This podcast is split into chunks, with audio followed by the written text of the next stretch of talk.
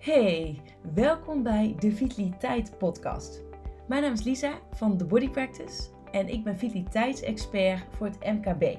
En wekelijks deel ik in deze podcast mijn tips en adviezen die ik tegenkom bij mijn opdrachtgevers op de werkvloer.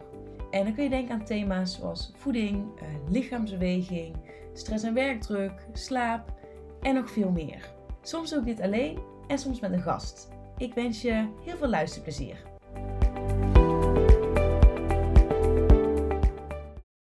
Wist jij dat 40 tot 95 procent van ons gedrag bestaat uit gewoonten? Die betekent eigenlijk gemiddeld genomen dat ongeveer de helft, nou meer zelfs, uh, van alles wat wij denken, wat we zeggen en wat, doen, wat we doen, dus op de automatische piloot gebeurt. Dus van je schoenen aantrekken tot uh, de manier waarop jij de telefoon opneemt, jouw groenten snijdt, hoe je in de auto stapt um, gebeurt op de automatische piloot. Nou, in de podcast van vandaag wil ik het dus hebben over onze gewoonten. En dan eigenlijk in het bijzonder over de habit loop. Waarom? Nou, omdat onze gewoonten uh, ja, een onwijs groot deel van ons leven bepalen, maar ook uitmaken. En ja, dus ook ons gedrag op de werkvloer. Nou, daar kun je dus als werkgever, maar ook als werknemer je voordeel mee, uh, mee doen. Als jij ja, op de juiste manier naar je eigen gedrag kan kijken en dus ook weet hoe jouw gedrag aan de hand van die habit loop plaatsvindt. Nou, wat nou die habit loop precies inhoudt, hoe je het voor jezelf kan laten werken, eh, daar ga ik vandaag dieper op in. Daar ga ik je voldoende tips uh, over geven.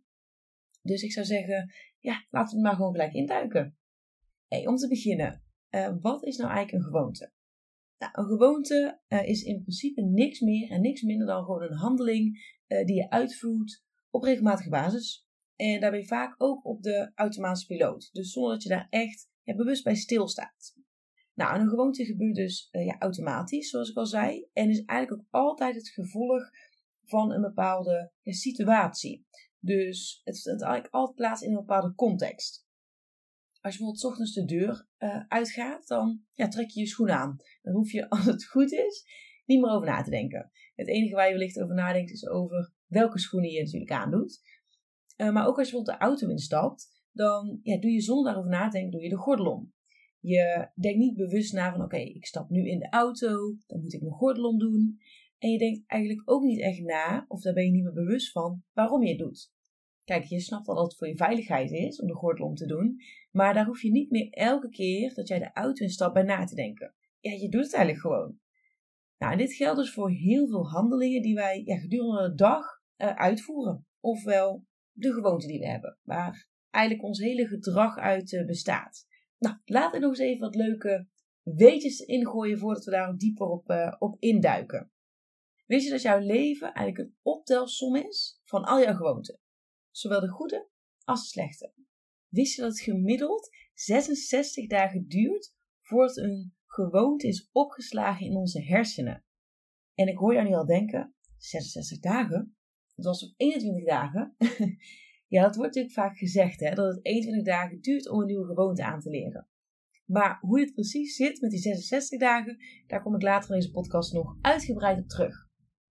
Cravings vormen de grootste motivator voor onze hersenen om ons aan te zetten tot bepaald gedrag. Dus de behoefte aan iets moet, maar, moet groot genoeg zijn om een gewoonte te creëren. En tot slot, het laatste weetje wist je dat onze hersenen heel graag met gewoonte werken. Omdat het namelijk super efficiënt is. Um, het bespaart ons heel veel energie. Het kost um, ons zo min mogelijk moeite. Het is eigenlijk de weg van de minste weerstand. En zo blijft dus ook meer ja, hersencapaciteit over om aan andere zaken te besteden.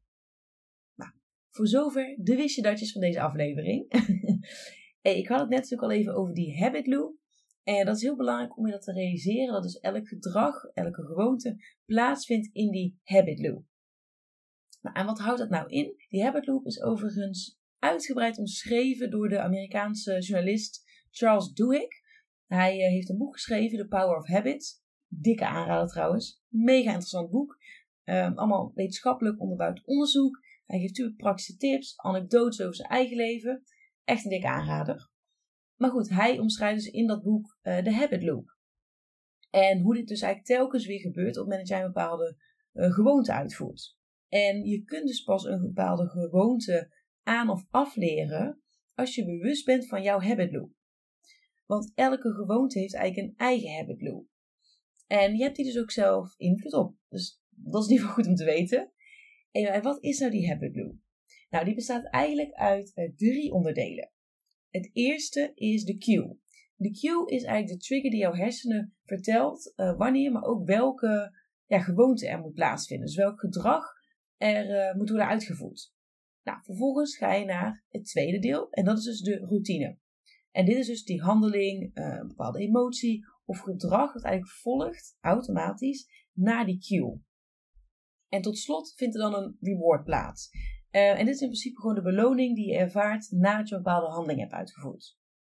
Dit klinkt wellicht allemaal nog vrij cryptisch, maar ik zal je in ieder geval even een aantal voorbeelden geven, zodat je ook uh, ja, wat beter snapt hoe dit er dan in de praktijk uitziet. Nou, stel je voor, uh, het is drie uur s middags, je voelt je moe en je hebt geen energie. Nou, dit is de cue, oftewel de trigger. Vervolgens vindt een bepaald gedrag plaats. Je pakt een kop koffie om je jezelf weer even een energieboost te geven. Nou, en dan eindigt dit gedrag met de reward. Je krijgt weer energie en ja, je voelt je wel opgewekt. Nou, dat zijn eigenlijk die drie onderdelen van die habit loop die je dan hebt doorlopen. Uh, een ander voorbeeld. Um, stel je ziet een, uh, een eentje bij je social media app op je telefoon. Bijvoorbeeld bij Instagram, LinkedIn, Facebook. En je denkt, hey, ik heb een nieuw bericht, een nieuw like of een nieuwe reactie binnen. Dat is de cue of de trigger. Vervolgens vindt de routine plaats. Je opent de social media app om te kijken wat er is binnengekomen. En je ziet bijvoorbeeld dat je een nieuwe reactie hebt of nieuwe uh, views op je story. De reward die je dan krijgt is een dopamine shot, omdat je weer een nieuwe like of iets hebt binnengekregen en dat geeft je een goed gevoel. Nou, ik hoop dat je nu een beetje een idee hebt van hoe dus die habit loop werkt bij het gedrag dat we dus uh, ja, de hele dag door uitvoeren. En de reden dat gedrag dus ook in stand blijft, is met name door het laatste deel van die habit loop. En dat is de reward. Want eigenlijk die, dat die bevrediging die wij krijgen, die zorgt ervoor dat wij telkens weer opnieuw datzelfde gedrag uh, ja, uitvoeren. Want onze hersenen, die craven die bevrediging. En zoals ik al zei, hè, straks met die, uh, met die weetjes, die wist je datjes, dat cravings de grootste motivator zijn om dus bepaald gedrag uit te voeren. Nou, voordat ik tips ga geven over hoe je dus aan de hand van die habit loop jouw gedrag kan veranderen. En dus ja, zelf je nieuwe gedrag kan aanleren of juist weer oude gewoonten kan, kan afleren waar je inmiddels klaar mee bent. Laten we het nog eens even hebben over hoe lang het nou precies duurt om een gewoonte aan te leren. Want ik gaf natuurlijk al aan uh, dat het geen 21, maar 66 dagen is. Nou, je hebt vast wel eens gehoord van dat het aanleren van een nieuwe gewoonte dus 21 dagen duurt. Maar de vraag is, klopt dit wel? En waar is dit nou precies op gebaseerd? Nou, dat ga ik je vertellen. Die 21 dagen regel, die is gebaseerd op het boek uh, Psycho Cybernetics. En dat is geschreven door een, een dokter en psycholoog, uh, genaamd Maxwell Maltz. En dit boek komt al uit 1960. Dus best wel een, een ja, redelijk oud boek. En hij schreef, hij beschreef in dat boek dus dat het bij hem en bij zijn eh, patiënten 21 dagen uh, duurde om een nieuwe gewoonte aan te leren. En dit boek is echt enorm populair geworden. Er zijn inmiddels volgens mij meer dan 30 miljoen exemplaren van verkocht. En doordat dus dat boek zoveel is verkocht en dus zoveel mensen deze ja, observatie van Dr. Um, Mals hebben gelezen, werd het dus ook als feit of als waarheid aangenomen. Terwijl er inmiddels heel wat meer studies zijn gedaan eigenlijk naar het aanleren van uh, nieuwe gewoonten of bepaald gedrag. En wat blijkt nou? Er is helemaal geen vast tijdsbestek wat kan worden gekoppeld aan het aanleren van nieuw gedrag. Omdat er namelijk zoveel verschillende factoren uh, ja, van invloed zijn op het aan- of afleren van een bepaalde gewoonte. Nou, en als ik het dus heb over die factoren, dan kun je bijvoorbeeld denken aan um, ja, hoe lang heb je de gewoonte al die je wilt afleren? Uh, is de gewoonte volledig geïntegreerd al in je dagelijks leven? Dus is het een gewoonte die elke dag al plaatsvindt? Uh, maar ook is er bijvoorbeeld een bepaald gedrag dat de gewoonte versterkt. Dus heb je al een bepaald ander gedrag dat er eigenlijk voor zorgt dat je een bepaalde gewoonte uitvoert? Welke rewards krijg je van een gewoonte? He, dus je kan, dat kan sociaal zijn, uh, psychisch, emotioneel. En tot slot ook jouw motivatie. En dit zijn dus eigenlijk allemaal factoren. Uh, naast deze heb je echt nog wel wat andere die dus van invloed zijn op hoe lang het duurt voor jou om een gewoonte aan te leren. En studies hebben dus aangetoond dat het zo'n 15 tot maar liefst 254 dagen duurt om echt een uh, nieuwe gewoonte te vormen. En dus met name de hoeveelheid factoren die afhankelijk is, zorgt dus voor ja, hoe lang het eigenlijk duurt om een nieuwe gewoonte aan te leren. En gemiddeld genomen kom je dan dus uit op uh, eh, 66 dagen. Maar dit verschilt dus per persoon en per situatie. Dus het zou zomaar kunnen dat als jij een nieuwe gewoonte wilt aanleren, uh, en jouw buurvrouw of jouw collega of jouw partner wil precies dezelfde gewoonte aanleren, dat uh, ja, hij of zij het in een paar weken al voor elkaar heeft gekregen, terwijl jij daar veel langer over um, moet doen. En andersom. Mocht je nou succesvol een nieuwe gewoonte willen aanleren, dan zijn er wel een aantal zaken waar je dus op kan letten, waarbij je dus die habit loop kan gebruiken om ja, succesvol je gedrag aan te passen als het ware. Nou, en wat zijn nou die drie duws? Uh, nou, de eerste is context is key. Nou, zoals ik al aangaf, vindt elke gewoonte plaats in een bepaalde context. Oftewel een bepaalde cue of trigger die eigenlijk jouw hersenen het signaal geeft van oké, nu moet er een bepaald gedrag plaatsvinden. Nou, en als je dus een gewoonte wilt veranderen, dan kun je dat doen door het creëren van een andere context. Stel je voor, jij staat ochtends uh, op en normaal gesproken uh, kleed je je aan, loop je naar de badkamer, uh, ga even naar het toilet, was je je gezicht en poets je je tanden. Nou, dat je je tanden poetst is eigenlijk een gevolg van, van dat jij in de badkamer bent, dat je je gezicht wast. Want dat zijn allemaal triggers voor je hersenen waarvan, waarvan jouw lichaam weet, oké, hierna komt het tandenpoetsen. Stel, jij staat op, uh, je trekt je kleren aan en wat je doet is in eerste instantie uh, naar beneden gaan om bijvoorbeeld een kop thee voor jezelf te zetten of je gaat even de krant pakken uh, of je wordt gebeld, waardoor eigenlijk die cue of trigger niet plaatsvindt. Waardoor ook niet het automatische gedrag van jouw tandenpoetsen plaatsvindt. Waardoor het komen kan zomaar kan zijn dat jij in de auto zit en ineens denkt: hey, volgens mij heb ik mijn tanden gewoon helemaal niet gepoetst vanochtend. Nou, en dat zit hem dan dus in die, uh, in die context. Die context heb je dan veranderd, waardoor dus niet meer dat automatische gedrag plaatsvindt. Nou moet ik zeggen dat tandenpoetsen natuurlijk er wel zo ingebakken zit bij iedereen. Uh, in de ochtend en in de avond. Dat dat waarschijnlijk een bepaald gedrag is wat je niet zomaar zou vergeten. Maar dat is even hè, een besimpeld voorbeeld van hoe dus die context van invloed is op ons gedrag. Andere vormen van context zijn bijvoorbeeld op het moment dat je verhuist, uh, je een nieuwe baan krijgt, uh, je een relatie verbreekt. Dat zijn allemaal van die typische momenten uh, waarbij dus een nieuwe context ontstaat. En wat dus ook een ideaal moment vormt om ja, een nieuwe gewoonte aan te leren of een bepaald gedrag af te leren. Nou zijn de, deze laatste al vrij ja, drastische voorbeelden, zou je het wel kunnen noemen. Maar wat je bijvoorbeeld ook kan doen, is stel je wilt een gezonder leven. En met gezond leven, dat kun je best ook gewoon specificeren met uh, bijvoorbeeld meer water drinken. Uh, je wilt drie keer de week naar de sportschool gaan. Of je wilt elke dag 10.000 stappen zetten. Hè, dat soort gewoonten die dus eigenlijk bevordering zijn voor jouw gezondheid. Nou, wat je dan dus kan doen, stel je hebt het over dat je gezonder wilt eten. Wat dan de gewoonte is die je graag wil aanleren. Nou, wat je dan kan doen, is de context veranderen. En in die context kun je bijvoorbeeld voor zorgen dat je geen ongezonde snacks meer in het zicht hebt liggen. Bijvoorbeeld eh, op tafel of in de keuken zodat jij niet automatisch een koekje pakt op het moment dat jij de woonkamer inloopt of dat jij de keuken inloopt. Nou, dat is dus de routine die normaal gesproken plaatsvindt.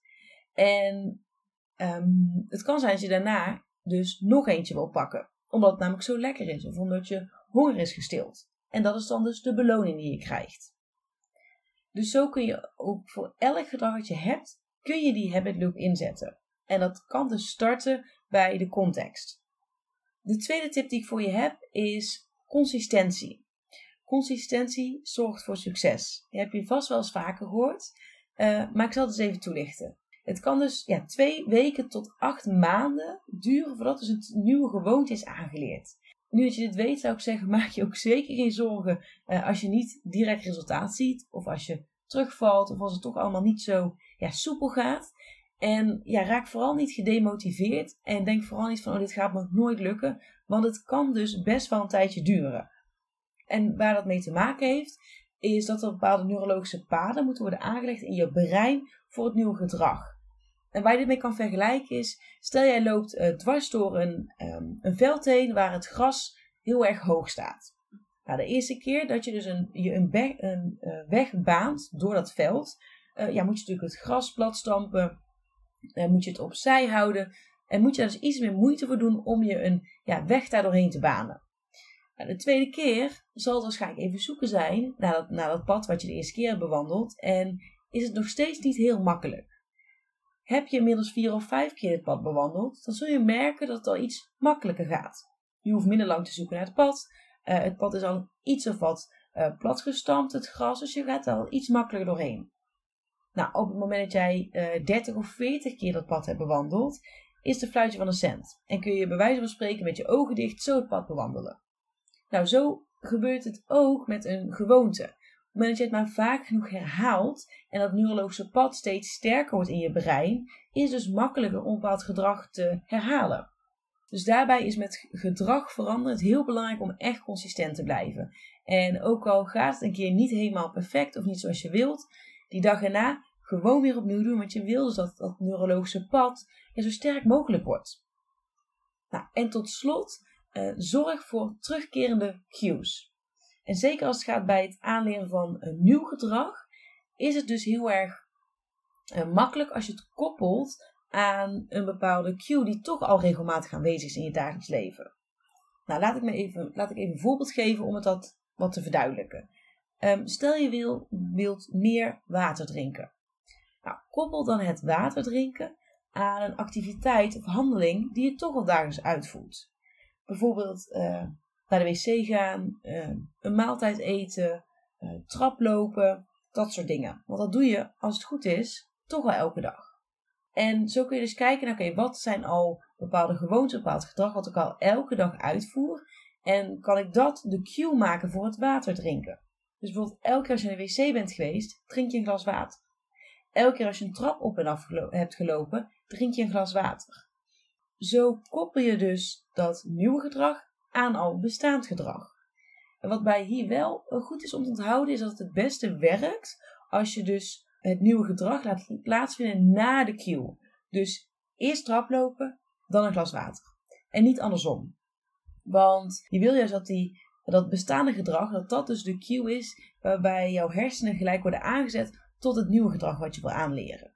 En nu kun je dus kijken naar het gedrag wat jij hebt, wat jouw collega's hebben of wat je als bedrijf uh, breed hebt. En mocht je dan als gedrag je wil veranderen, ga dan eens kijken of je die habit loop daarvoor kan inzetten. Of je dus kan kijken van oké, welke, hoe doorlopen wij die habit loop met elkaar en hoe kunnen we daar bijvoorbeeld iets in de context veranderen. Nog een heel uh, praktisch voorbeeld bijvoorbeeld. Stel jij wil vaker um, gedurende de werkdag van jouw stoel afkomen. Nou, wat je dan bijvoorbeeld kan doen, uh, als je normaal gesproken de prullenbak onder je bureau hebt zitten en je moet meerdere keren per dag iets weggooien. Bijvoorbeeld een uh, papiertje, een envelop, noem maar op. Normaal gesproken hoef je natuurlijk alleen maar je arm onder het bureau te doen om bij de prullenbak te komen. Stel, jij wilde dus dit gedrag van te veel stilzitten doorbreken. Nou, dan kun je dus iets veranderen aan de context. En wat kun je dan bijvoorbeeld doen? De prullenbak aan de andere kant van het kantoor zetten. Elke keer als je dan iets weg wil gooien, moet je opstaan om voor in de prullenbak te lopen om iets weg te gooien. Nou, en zo kun je dus op de werkvloer bepaald gedrag alleen of samen met elkaar veranderen door middel van die habit loop. Ik ben echt super benieuwd of er al bepaald gedrag is wat bij jou nou te binnen schiet, waarvan je denkt: Goh, daar zou dus met elkaar aan moeten werken. Laat me zeker weten, vind ik namelijk echt onwijs leuk om te horen. En wil je nou meer leren over gewoontes veranderen of over dit gedrag hè, en hoe dit allemaal um, in jouw brein werkt, dan kan ik je dus zeker het boek Power of Habits aanraden van Charles Duhigg, waar ik het eerder in deze podcast al over had. En wat ook nog een ander heel leuk boek is en zeer interessant, is Atomic Habits van James Clear. Ik zal in ieder geval beide boeken ook even in de bio zetten, dus dan kun je die daar ook, uh, ook vinden door op de link te klikken. Maar het zijn beide echt hele praktische boeken, uh, gebaseerd op wetenschappelijk onderzoek met ook hele uh, ja, leuke, herkenbare anekdotes. En ja, beide gewoon echt mega interessant. Voordat jij nu weer verder gaat met je werkdag, wil ik je graag nog even aan één ding herinneren. Op vrijdag 4 februari verzorg ik de masterclass Het hele jaar vitaal, zo pak je het aan. Online via Zoom. Uh, dus heb ik speciaal ontwikkeld voor HR-professionals en voor ondernemers in het MKB die graag uh, ja, bakken met inspiratie, handvaten en tips willen voor een gedegen vitaliteitsplan. Voor 2022, maar ook zeker voor de jaren erna. En zodat jij eigenlijk precies weet ja, welke thema's er bij jullie medewerkers spelen op het gebied van gezondheid en vitaliteit, uh, welke acties je kan inzetten, maar ook zeker hoe je jouw medewerkers gemotiveerd houdt. Wil je je aanmelden voor deze masterclass of meer informatie? Uh, ga dan naar www.thebodypractice.nl slash masterclass. En vergeet ook zeker niet om die link even te delen met uh, ja, andere professionals uit jouw netwerk als je denkt dat het voor hen waardevol is. En dat was hij weer voor vandaag. Ik wil jou onwijs bedanken voor het luisteren naar deze podcastaflevering van de Vitaliteit Podcast. Ik hoop dat die ook vandaag weer onwijs waardevol voor je is geweest. En voel je je zeker vrij om deze aflevering te delen in jouw netwerk. Mocht je iemand in je netwerk hebben die hier ook profijt van kan hebben, dan wordt dat uh, zeer gewaardeerd. En ik zou het ook onwijs leuk vinden als jij een beoordeling achterlaat op Spotify of op Apple Podcast. Vind ik alleen maar heel erg leuk om te zien. Nou, ik hoop dat jij de volgende keer weer bij bent. En voor nu wil ik je in ieder geval nog een hele fijne dag wensen.